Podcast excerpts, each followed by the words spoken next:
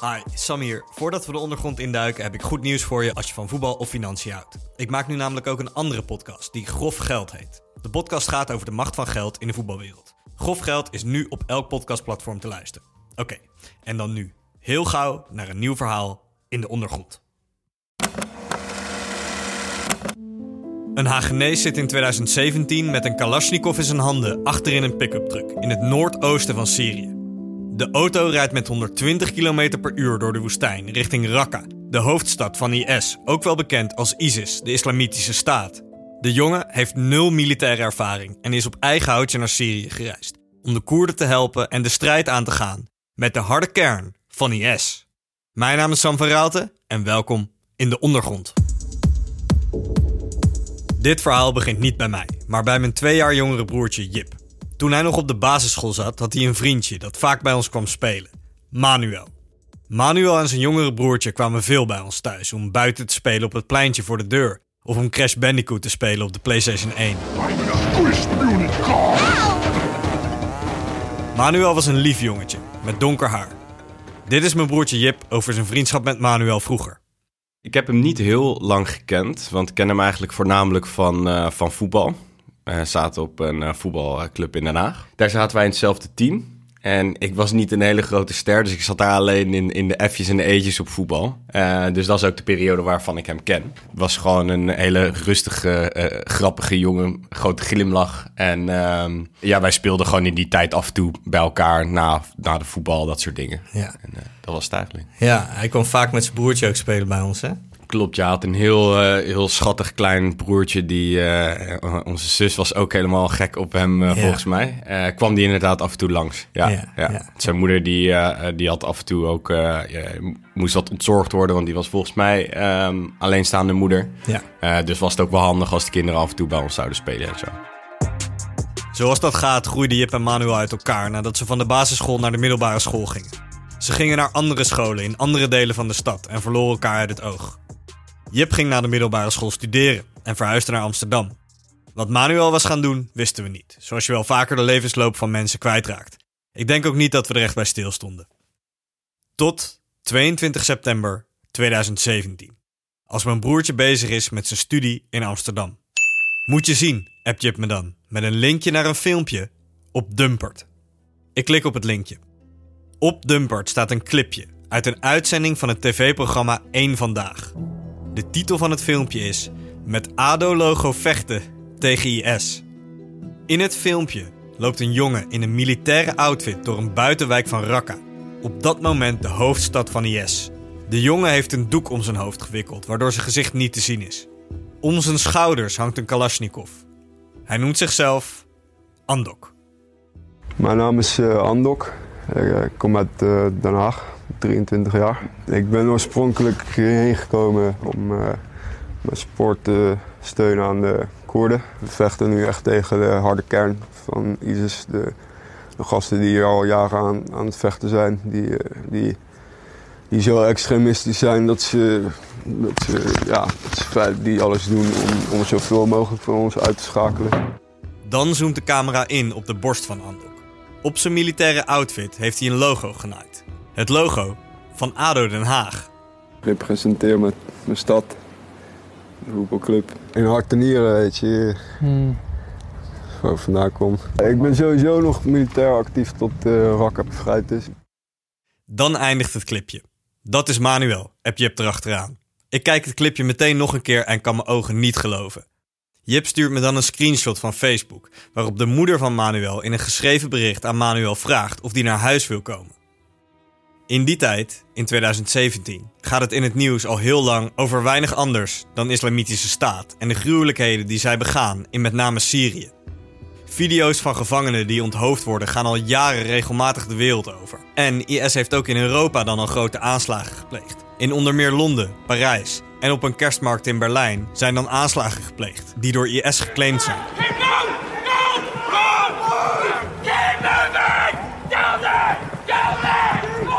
Eight was also the grim death toll reached today after police searching for a missing French national discovered a body in the Thames. You never think you're going to see something like that.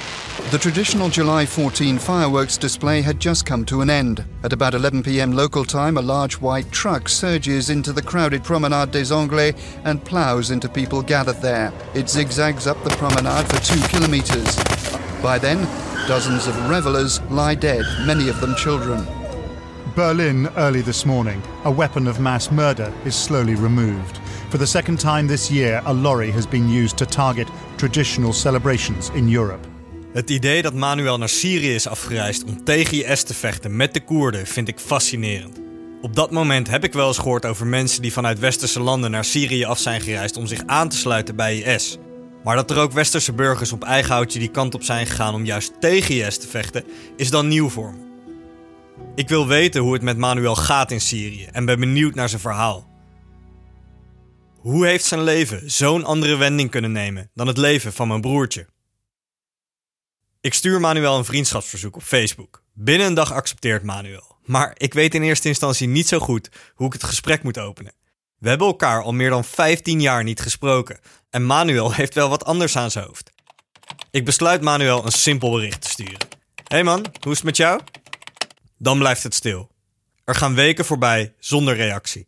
Op een gegeven moment verwacht ik die reactie ook niet meer. Waarschijnlijk heeft Manuel geen behoefte aan een gesprek, denk ik. Of misschien is hem wat overkomen in de strijd tegen IS. Maar dan, anderhalve maand later, krijg ik opeens een reactie op Facebook. What up man, zegt Manuel. Gaat goed met me. Hoe gaat het met jou? Ik vertel Manuel kort hoe het met mijn relatief burgerlijke leven in Nederland gaat. En dan praten we kort over hoe het met hem gaat in Raqqa, de stad die onder controle staat van IS. Ik werk op dat moment nog voor Vice en vraag Manuel of hij er misschien voor open staat om zijn verhaal te vertellen in een podcast. Hij geeft aan daar open voor te staan, omdat hij het belangrijk vindt dat meer mensen het perspectief van de Koerden in de regio leren kennen. Maar een podcast gaat voorlopig niet, want Manuel zit dan nog wel even in het oorlogsgebied in Syrië.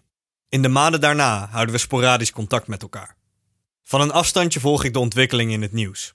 Het is wereldnieuws in oktober 2017 als Raqqa bevrijd is en IS er is verdreven. This was a long, hard battle into the heart of Islamic State's evil filled core.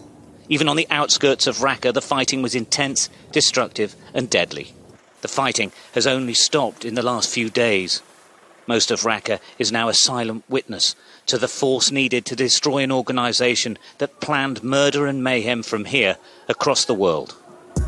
Op de beelden op tv is een stad te zien die compleet in puin ligt. De oorspronkelijke burgers proberen er toch terug te keren. Er verschijnen beelden van vrouwen die hun boerka's opgelucht in de fik steken en mannen die hun baarden afscheren. Maar met het verdrijven van IS is het gevaar nog niet verdwenen, melden de nieuwsberichten. IS heeft namelijk overal mijnen en booby traps achtergelaten in de stad, die weggeruimd moeten worden. Ik heb dan geen idee hoe het met Manuel is. Ons contact is dan al een tijdje opgedroogd. Maar dan, een half jaar later, krijg ik ineens een bericht binnen van Manuel. Hij is op de een of andere manier vanuit Syrië terug naar Nederland gekomen en we kunnen elkaar ontmoeten. We spreken af in een kroeg in Den Haag, de eerste paar keer off the record, om bij te praten. De terugkomst van Manuel naar Nederland is ook niet vanzelfsprekend. Hij wordt tussen onze afspraken in een keer gearresteerd als hij op de radar van Interpol komt. Manuel wordt vastgezet, hij krijgt een enkelband en wordt berecht voor zijn reis naar Syrië. Daar zal ik later op terugkomen. Als Manuel weer vrij is, spreken we af bij hem thuis om een podcast te maken over zijn verhaal. We spreken in totaal vijf keer af met elkaar voor opnames over een periode van ruim een jaar. Elke keer spreken we meer dan een uur over zijn ongelofelijke verhaal. Hoe Manuel in Syrië belandde om met de Koerden tegen islamitische staat te vechten. Hoe hij zich aansloot bij de strijd en hoe hij die wonder boven wonder overleefde. En we beginnen bij het begin. Hoe wil Manuel dat ik hem noem? Bij de Koerden kreeg Manuel namelijk een nieuwe naam. Hoe zal ik je noemen? Andok Reha. Andok Reha. Ja, ja. Oké. Dat is de naam die mij gegeven is uh, in 2017 toen ik uh, in de bergen van Noord-Irak terecht kwam.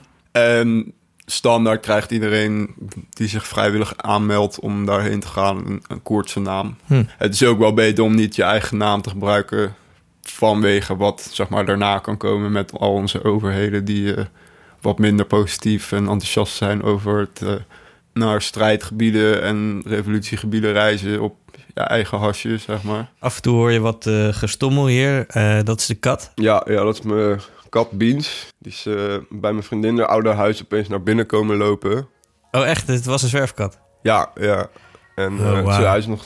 Ik denk dat hij nu net één jaar is of zo. hij is nog een jonkie. Heel speels. Heel speels. Andok blijkt de naam van een gebergte in Irak te zijn. En de naam van een bekende Koerdische commandant die overleden is in de strijd tegen IS. Goed, Andok dus. Andok, wij kennen elkaar eigenlijk al heel lang. Klopt. Echt vanaf dat we kleine kinderen waren. Yes. Hoe zag jouw leven eruit in de twee, drie jaar voordat jij besloot richting Syrië te gaan reizen? Best wel sporadisch. Gestopt met school. Op 4 HAVO. Gestopt met voetballen. Ik wilde eerst professioneel voetballen. Maar op een gegeven moment toen begon te roken. En op de middelbare school langzamerhand eh steeds meer feestjes en zo. Was dat, dat was eigenlijk mijn, mijn droom, zeg maar. Voetbal? En, eh, ja, We komen uit Den Haag. Heb je ook in de jeugd van ADO gezeten? nee. Alleen heel even Sparta en toe. Ah, ja. Ja, maar niet heel lang. Door te roken. En omdat mijn ma eigenlijk niet wou dat ik ging voetballen, professioneel. En in plaats daarvan wou dat ik mijn school gewoon goed ging doen. Dus is het daar nooit van gekomen, zeg maar. Hm. Eh, en dat zat ik best wel mee toen der tijd. Hoe oud was je toen je bij Sparta aan de jeugd zat? 13. Ja, Ja. ja, dus dat was ook nog jonkies. Andok vertelt dat hij wel goede cijfers had op school, maar nooit zin had om te gaan. Hij was vaak de clown van de klas, werd vaak de klas uitgestuurd. In de vierde ging hij van school. Hij kwam er toch al weinig meer. Hij probeerde nog een designstudie, maar stopte daar ook al snel mee. Daarbij ook heel veel gebloot, heel veel wiet gerookt. Dus dat hielp niet echt met gemotiveerd zijn voor naar school gaan, et cetera, weet je. Vroeger, als jij wel eens bij mijn broertje kwam spelen, dan kon je altijd met je jongere broertje. Uit wat voor gezinssituatie kom je?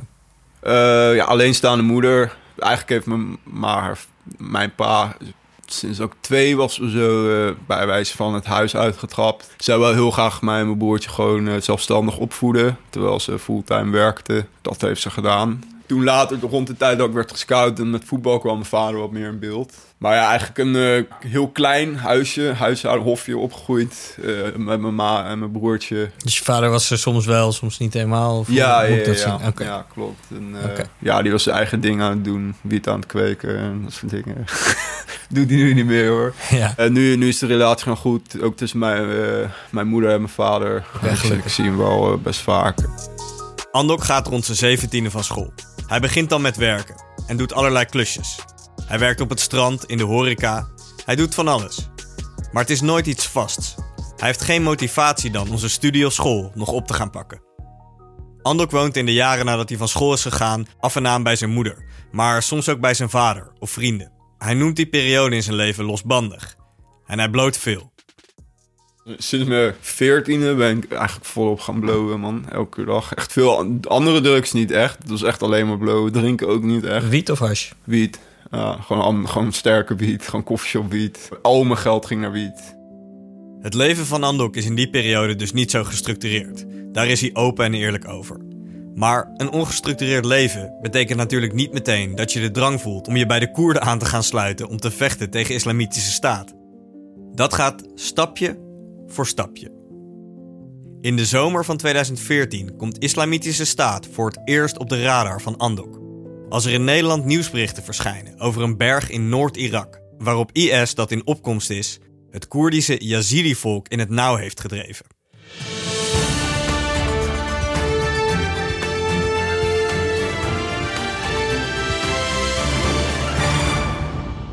These are images of utter desperation, of families running out of food and water and in constant fear for their lives.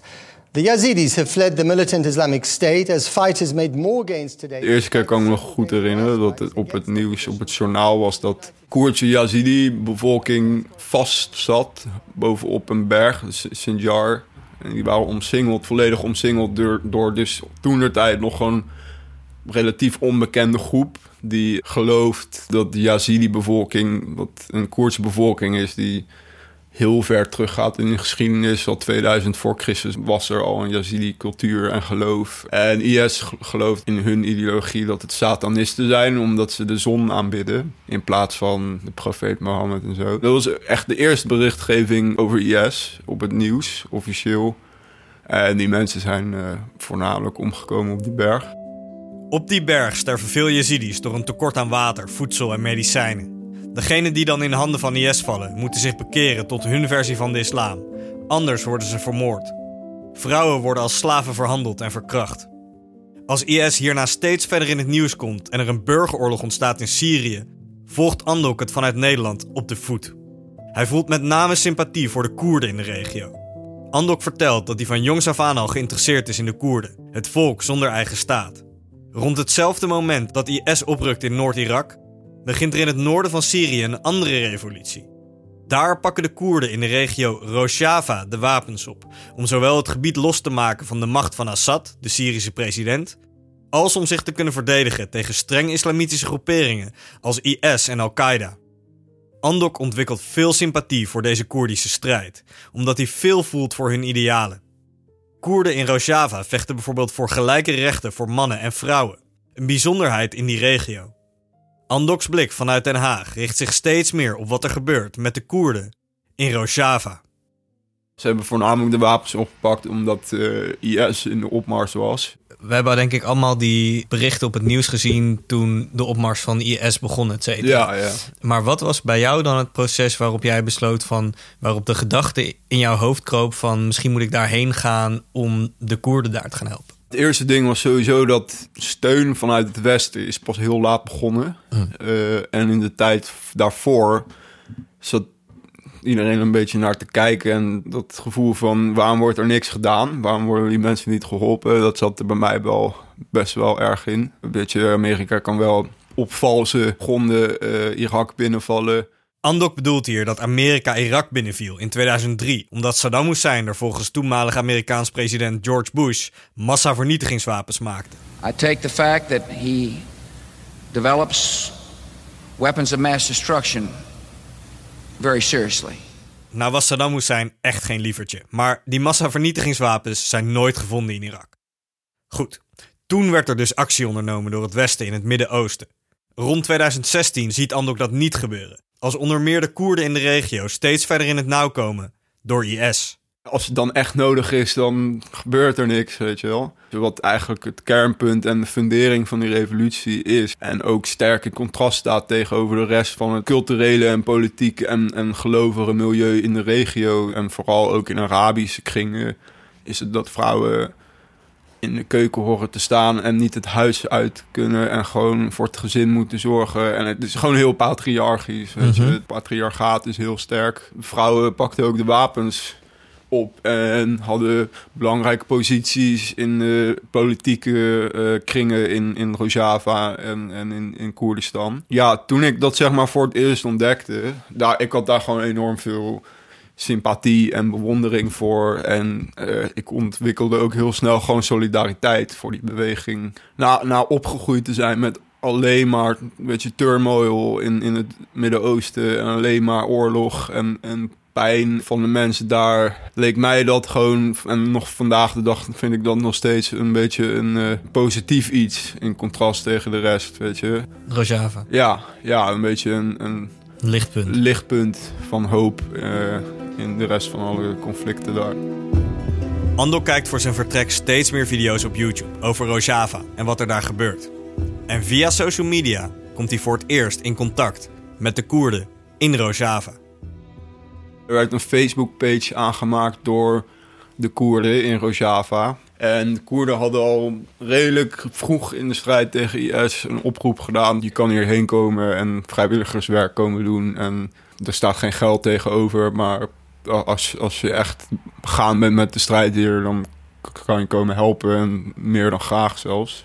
Daarvoor, voor die oproep had ik zoiets van, ja, dan ga ik alleen maar mensen in de weg lopen. Weet je, ik heb totaal geen ervaring of wat dan ook.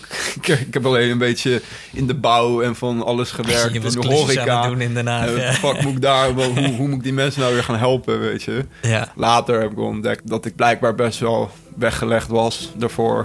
Anders had ik er waarschijnlijk niet nu hier gezeten om het na te vertellen. Het idee om die kant op te gaan is dan met de jaren steeds iets meer gaan sluimeren in het hoofd van Andok. Na die oproep ziet hij verschillende vrijwilligers uit het westen opduiken in Rojava om daar met de Koerden te strijden. Dan maakt hij de beslissing die zijn leven volledig zal veranderen. En ik ben toen ook gestopt met, met wietroken en alles. En echt, echt uh, superveel gaan sporten. Hiervoor? Hiervoor, ja. Want ik dacht van ja, als ik eh, helemaal elke dag roken, wiet roken... en dan van de een op de andere dag daar aankom... misschien niet echt heel eh, scherp helemaal. Misschien niet heel slim om dat te doen. Weet je, ik zat zelf een beetje in een lichte existentiële crisis. Als in van, ja, wat de fuck ben ik met mijn leven aan het doen? Dus dat plus die hele sympathie en solidariteit met, met de revolutie in Rojava en de strijd tegen IS. Weet je, dat motiveerde het wel extra. Dus je stopt met, eh, met blowen, je gaat eh, veel sporten. Ja, ja. Hardlopen met boeken in mijn tas. Weet je, dat soort dingen dat best wel goed van pas is gekomen. Met boeken in, in een rugzak ging je hardlopen. Ja, ja, Waar- onder andere. Gewoon door de Bij stad? het strand. En zo. ja, ja, echt naar Kijkduin eh, en naar Hoek van Holland. En dan terug over het strand, zeg maar. Maar eigenlijk een soort geïmproviseerde militaire training. Ja, ja, van- ja. Het was echt ook wel een beetje mentaal voor mij van... Ja, elke dag dat ik wakker werd, dacht ik van... Fuck, moet ik dit wel doen? Voor hetzelfde geld ga ik dood daar. Dat, dat voornamelijk. Ik zat ook met een beetje met het schuldgevoel. Kan ik dit mijn familie wel aandoen, weet je? Ja, ik probeerde het soms zeg maar weg te stoppen in mijn hoofd van... Fuck it, je gaat toch niet zoiets Doen. gestort doen, weet je? Maar dat bleef maar knagen. Op een gegeven moment heb je dan voor jezelf dat bepaald. Deelde je dat dan ook met je omgeving? Dus Ja, je die beslissing ja, had genomen? ja. En hoe heb- reageerden mensen in je omgeving daarop? Ja, sommige mensen die vonden het gewoon een compleet gestoord idee. Eh, andere vrienden die zeiden van ja, als je dit echt graag wil doen, dan moet je het gewoon doen. Wat me eigenlijk wel het laatste groene licht zeg maar heeft gegeven om echt te gaan, is dat ik het heb verteld aan mijn moeder en dat zij zei van ja, als jouw moeder zijn, dan ben ik echt niet blij hiermee. Logisch. Ehm, maar als ze zei van als, als jij dit echt graag wil doen en je hart hierbij ligt, dan ga ik je niet tegenhouden en dan moet je dat gewoon gaan doen.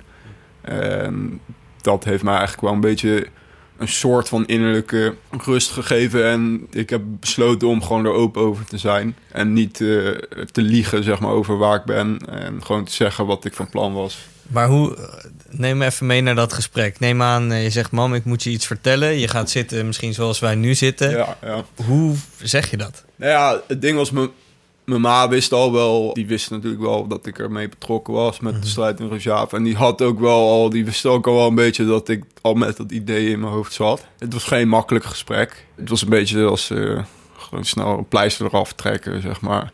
Ik had zoiets... Ik wil daar ook niet... eh, maandenlang opschepen met dit nieuws en dan weet je dat ik heb Dus het ook niet lang voordat ik weg ben gegaan echt gezegd van ik ga weg. Je had je je vliegticket toen al geboekt? Ja, Andok is dan al in contact met iemand uit Australië, die al een paar keer naar de regio is geweest. Niet om te strijden, maar om daar humanitair werk te doen.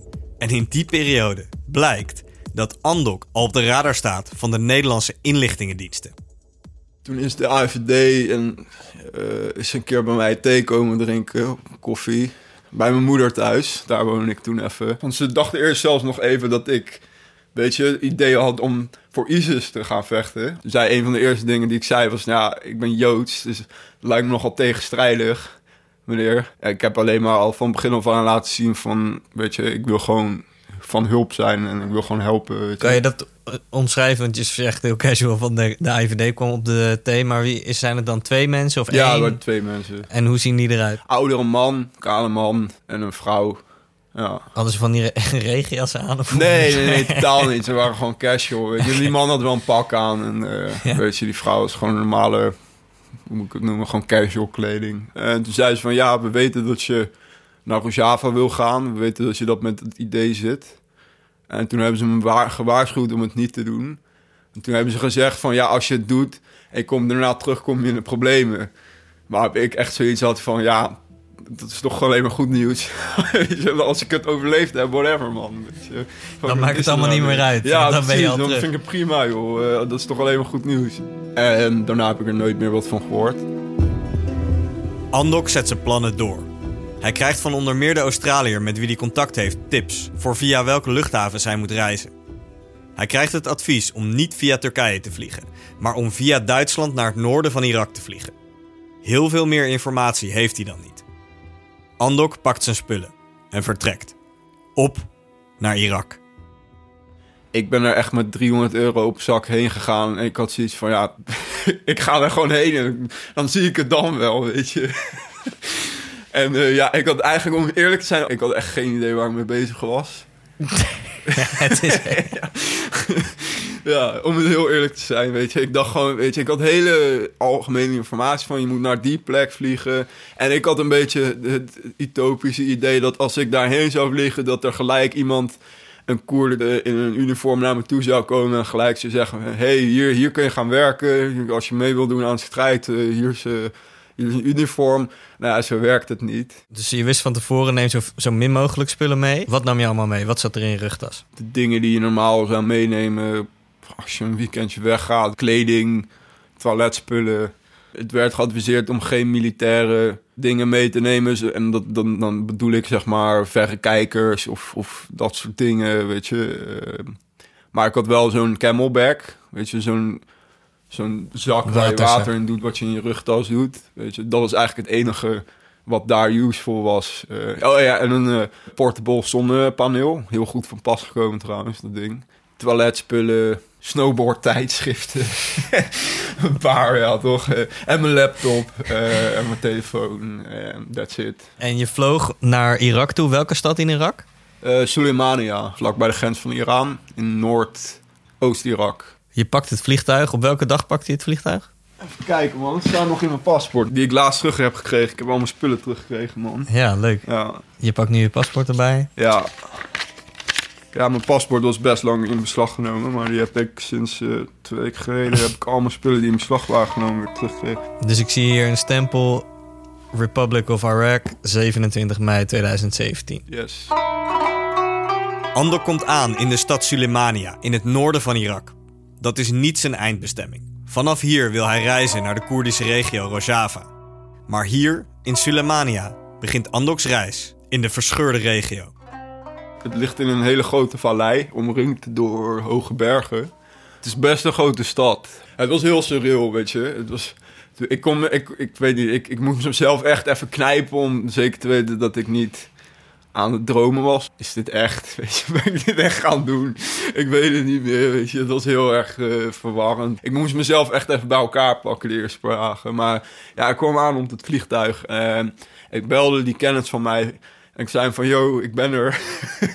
Wat kan ik best doen nu? Hij zegt, ja, ga een hotel pakken, weet je. Je moet toch echt blijven vanavond. Was hij daar toen ook? Nee, nee, nee. Ik Hij was gewoon- heel erg anders. Ja, ik was je- gewoon echt in mijn eentje. Ik kende niemand daar. Ik zie jou daar Ik staan. had geen contact met mensen. Met een rugtas om. Ja, ja, Wauw. zo was het. En ik dacht van, oké, ja, dan pak ik maar gewoon een taxi. Toen zat er een gast, heel Arabische muziek uit de radio aan het blaren. En eh, die zegt zo, je probeert een beetje Engels te praten, lukte niet. En ik zeg zo, ja, hotel, hotel, please. En mensen vinden het helemaal mooi, weet je, als westerse mensen daar komen. Wat wel het ding was, deze taxichauffeur had mij dus blijkbaar naar een hotel gebracht... Wat, waar hij bekend mee was. Tuurlijk. Dus ik heb de eerste nacht van mijn hotel al bijna een derde van mijn geld wat ik had aan het hotel gegeven. Was 70 euro per nacht. Zo. Toen dacht ik, oké, als ik hier nog eh, twee, drie weken wil zijn, minstens, dan kan ik niet hier blijven. Ja. Het is wel een hele mooie hotelkamer, heel mooi uitzicht en zo over de hele stad. Dat was wel cool voor één avondje, maar het was ook echt veel meer dan ik nodig had. Helemaal een woonkamer en slaapkamer en van alles. Je zit in een of andere suite Ja. in, in de stad Suleimania ja, in ja, Noord-Irak. ja, precies. Ja, toen dacht ik ook heel leuk voor een avond. Ik heb nu al betaald. Maar ik ben wel gelijk op TripAdvisor gaan kijken. Van even kijken wat het goedkoopste hotel is. Misschien Had ook je- dat al eerder moeten doen. ja, denk ik nu net. Ja. Ja. Ja. ja, maar ik had dus een beetje, dat is het ding. Ik dacht van ja, ik kom daar gewoon aan en dan eh, ontmoet ik. Ik dacht, er er lopen alleen maar Koerden daar. Ik had ook een beetje mijn vooroordelen, weet je wel. Ja, ik ja. dacht, er lopen alleen maar. Ik, ik spreek gewoon gelijk iemand op straat aan en die, die vertelt me waar, wel hoe en wat. Maar zo, zo werkt het niet. Weet je, ik, ja. Ja. Dus ik ging daar ook een beetje onwetend heen. Andok zoekt op TripAdvisor naar een goedkoper hotel. En hij vindt het goedkoopste hotel van de stad. Daar ontmoet hij journalisten en andere westerse mensen die die kant op zijn gereisd. Hij ontmoet er bijvoorbeeld Australiërs, Amerikanen en Ieren van dezelfde leeftijd, die allemaal met hetzelfde plan naar Sulemania zijn gereisd. Maar openlijk spreken ze niet met elkaar over hun doel om naar Rojava te gaan om de Koerden te helpen. Ze doen allemaal of ze op vakantie zijn, ook als ze onderling met elkaar praten, omdat de overheid in dit gebied in het noorden van Irak de strijd in Rojava niet steunt. Voor hetzelfde geld word je dan opgepakt of zo. En daarom was iedereen best mysterieus over. Terwijl bij de meeste vrienden die ik toen ontmoet, meer dan logisch was. Het, was, het lag voor de hand dat ze dat kwamen doen, weet je. Maar ze, sommigen bleven echt van, nee, nee, ik ben hier gewoon op vakantie. en is echt al na een week of anderhalve week, twee weken... dat, dat we biertjes gingen drinken in die stad samen. En dan nog steeds van, come on, dude, you're, you're not here on vacation, man. You're, you're not shitting anyone, come on. And no, no, really, man. dus dat was wel grappig, weet je. Andok vertelt dat hij daar een jongen leert kennen, waar hij goed mee bevriend raakt. Zijn Koerdische naam is Ardesh. Deze jongen deed in Sulemania vrijwilligerswerk in vluchtelingenkampen. Maar zijn doel was om net als Andok naar Rojava te gaan.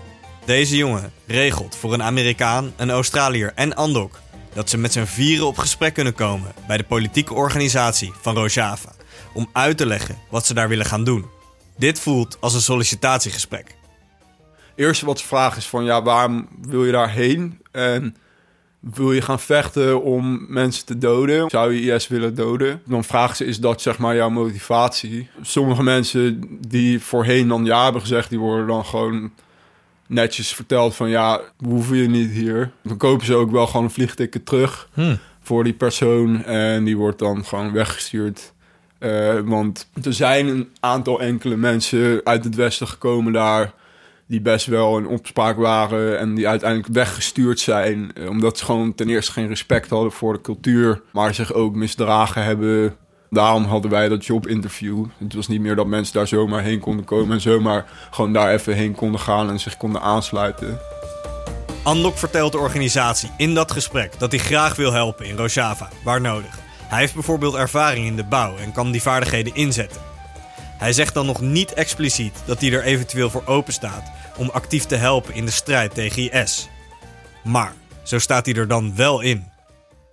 Ja, goed gesprek gehad met die mensen. En eh, die hebben ons toen verteld van ja, we laten je weten als, eh, als jullie naar Rojava kunnen gaan. Na het gesprek gaan de jongens terug naar het hotel. Daar wachten ze af tot ze horen dat ze naar Rojava kunnen reizen. Dat duurt lang. De dagen gaan voorbij en veranderen in weken. Na drie weken hebben ze nog steeds niks gehoord. Maar dan gaat het opeens razendsnel. En toen kwamen ze opeens bij ons op de deur kloppen om drie uur s'nachts van... pak, pak al je spullen, we gaan over een kwartier weg. en toen zat ik opeens eh, om kwart over drie in een, eh, in een auto...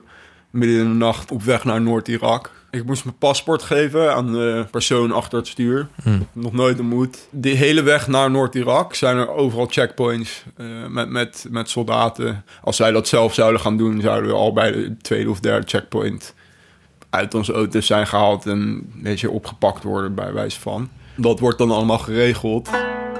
Andok vertelt dat ze de hele nacht rijden naar het uiterst noordwestelijke punt van Irak, bij de grens met Syrië. Daarna moeten ze vier uur door de bergen lopen, waar ze iemand ontmoeten.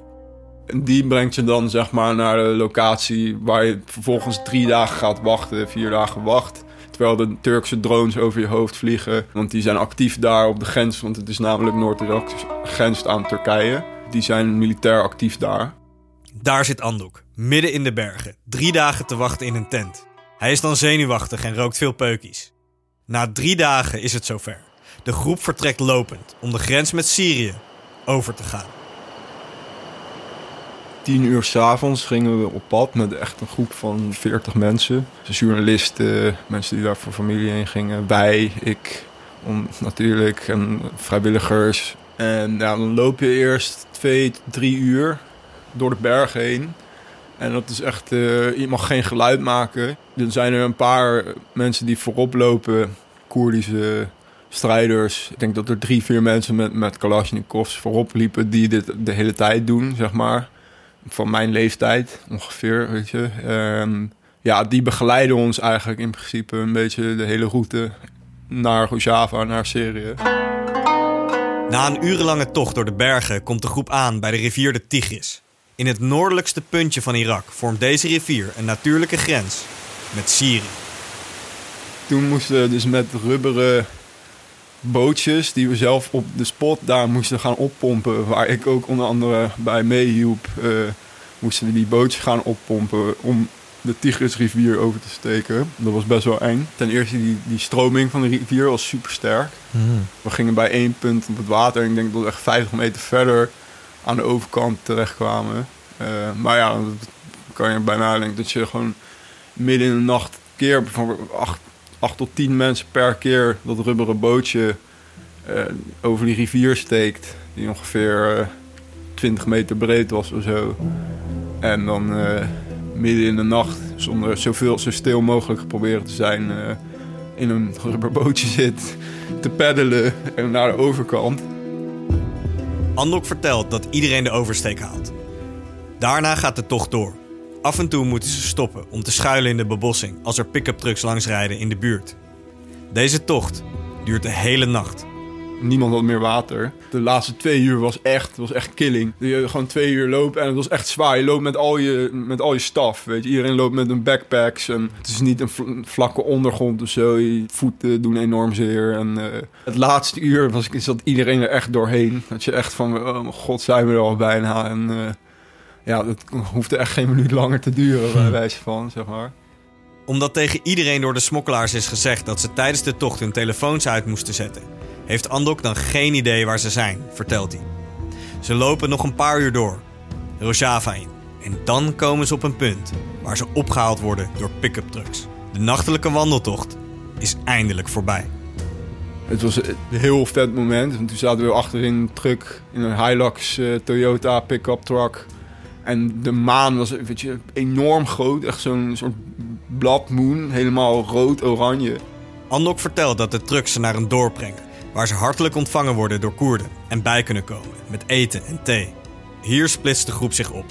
Sommigen gaan naar familie. Journalisten gaan hun eigen gang. En Andok is dan eindelijk in Rojava. Nog wel in een dorp aan de rand van het gebied. Maar hij is eindelijk in het Koerdische gebied. Waar hij al jaren aan denkt. Je hebt eigenlijk al jaren in dat voortraject zit het in je hoofd om daarheen Ja. te gaan. En dan ben je opeens in Rojava. Nog Ja. wel in een dorp, misschien een beetje aan de rand, maar je bent daar opeens. Hoe was dat voor jou mentaal? Ik was echt super blij om eerlijk te zijn. Ik, was, ik had echt zoiets van... Wauw, shit. Ja, dat was, dat was gewoon echt een overwinning. eh, na al die jaren van wel niet... Je was super blij. Ja, ja ik was heel blij dat, dat we daar waren aangekomen... en dat ik daar nu echt was. Dat het gelukt was. De eerste westerse persoon die ik ontmoette die daar al was... was eh Terpan, een Ier hele grote gast. Echt een walrussnor, oranje walrussnor. Super, eh, echt goede vriend is dat ook gewoon. Super coole gast. En, eh, eh, ja, die heeft ons een beetje toen verteld van de ins en outs, zeg maar. Andok en de drie jongens met wie die is vertrokken uit Sulemania beginnen met wat humanitaire klusjes in de regio. Andok vertelt dat ze eten maken voor burgers bijvoorbeeld. En hij vertelt dat het systeem in Rojava democratisch confederalisme is. Hij vertelt dat er op bestuurlijke posities bijvoorbeeld altijd een man en een vrouw van elke etniciteit in de regio moeten zitten. Andok en zijn vrienden komen in Rojava in contact met een groep Turkse communisten waar ze veel mee optrekken. Het IFB, een groep die is opgezet door verschillende Turkse socialisten en communisten. En al snel ontstaat bij het groepje van Andok het gevoel dat ze meer willen doen dan humanitair werk in de omgeving. Ze willen ook naar het front om te helpen in de strijd tegen IS. Nou, dat wij verklaard hadden dat al dat wat onze motivaties waren en onze politiek eh, van liberaal eh, tot progressief Bernie Sanders links was, zeg maar. Toen heeft het IFB ons uitgenodigd om bij hun te komen. Op een gegeven moment heb je ook een training gekregen, toch? Was dat daar? Ja, nou ja, ik, wil niet zo, zo, ze- zozeer zeggen dat het specifiek een training was.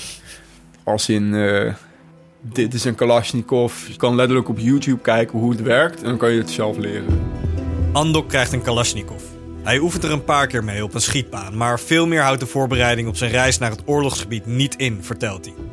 De groep wordt verteld dat ze over een week vertrekken naar Raqqa, de hoofdstad van IS, om daar met de Koerden te gaan vechten tegen de Islamitische Staat. En dan gaat het allemaal weer razendsnel. Maar op de vijfde dag werd gezegd, yo, let's go. Op naar Raqqa. En ik had zoiets iets van, eh, moeten we niet nog even oefenen of zo? Of misschien nog wat leren voor, of misschien niet meer informatie krijgen of zo. En ja, de rest van eh vrienden hadden ook zoiets van, ja, fuck, het is wel, we hadden we niet verwacht. Maar oké, ja, als zij het zeggen, uh, fuck it, dan... Uh, ja, en je kon natuurlijk zeggen, nee, ik wil niet. Maar ze zeiden van, ja, als je nu niet gaat... dan uh, moet je weer een maand wachten totdat je wel kan gaan. En toen hadden ze iets van, ja, fuck it, let's go. En hoe ga je dan daarheen? Met, met, uh, weer met een pick-up truck, met een Hilux uh, Toyota. Dan zit je daar achterin. Zit je achterin met je Kalashnikov. In de avond urenlang door woestijn rijden. Dus je laat een heel spoor van stof. En ja, dat is super vet, man. Dat de zon een beetje aan het schema, dat het net ondergaat. En dan zit je een beetje met je een beetje muziek te luisteren. Een beetje in de verte te staren naar de horizon. met een Kalashnikov in je hand. in de achterbak te zitten. En af en toe een peukje roken, een beetje met je vrienden aan het praten over met je grapjes maken doe je vooral, weet je wel. Klinkt heel ontspannen, ja. maar je bent onderweg naar ja. IS. Ja, het klinkt heel ontspannen, maar je doet dat natuurlijk om er een beetje mee te kopen, weet je. Wat voor muziek luisterde je? Pff, ja, van alles. Uh, Hip-hop. Uh, Welke artiest? Ja, Flying Lotus, Kendrick Lamar. Nog meer Mac Miller. Na een rit van vier uur door de woestijn komen ze aan bij de buitenwijken van Raqqa, de hoofdstad van IS. En dan daalt het besef bij Andok in dat hij terechtkomt in een oorlog. Het moment dat ik dat begon te beseffen is zodra ik zeg maar luchtmacht hoorde.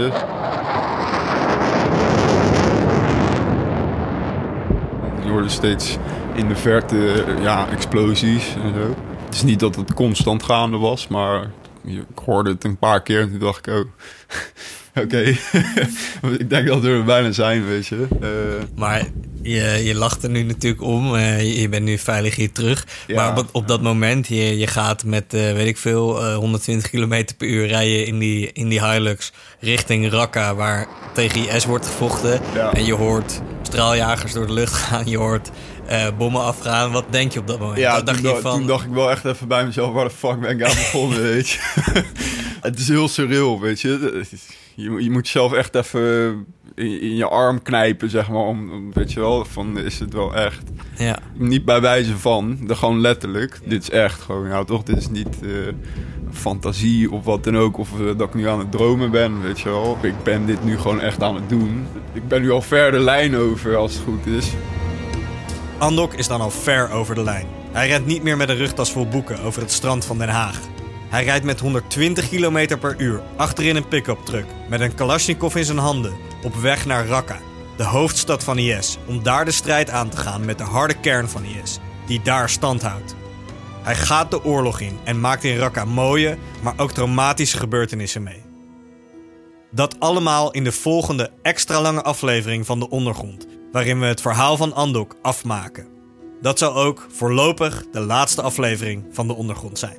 Bedankt voor het luisteren naar deze aflevering. Mijn naam is Sam van Raalte en tot de volgende.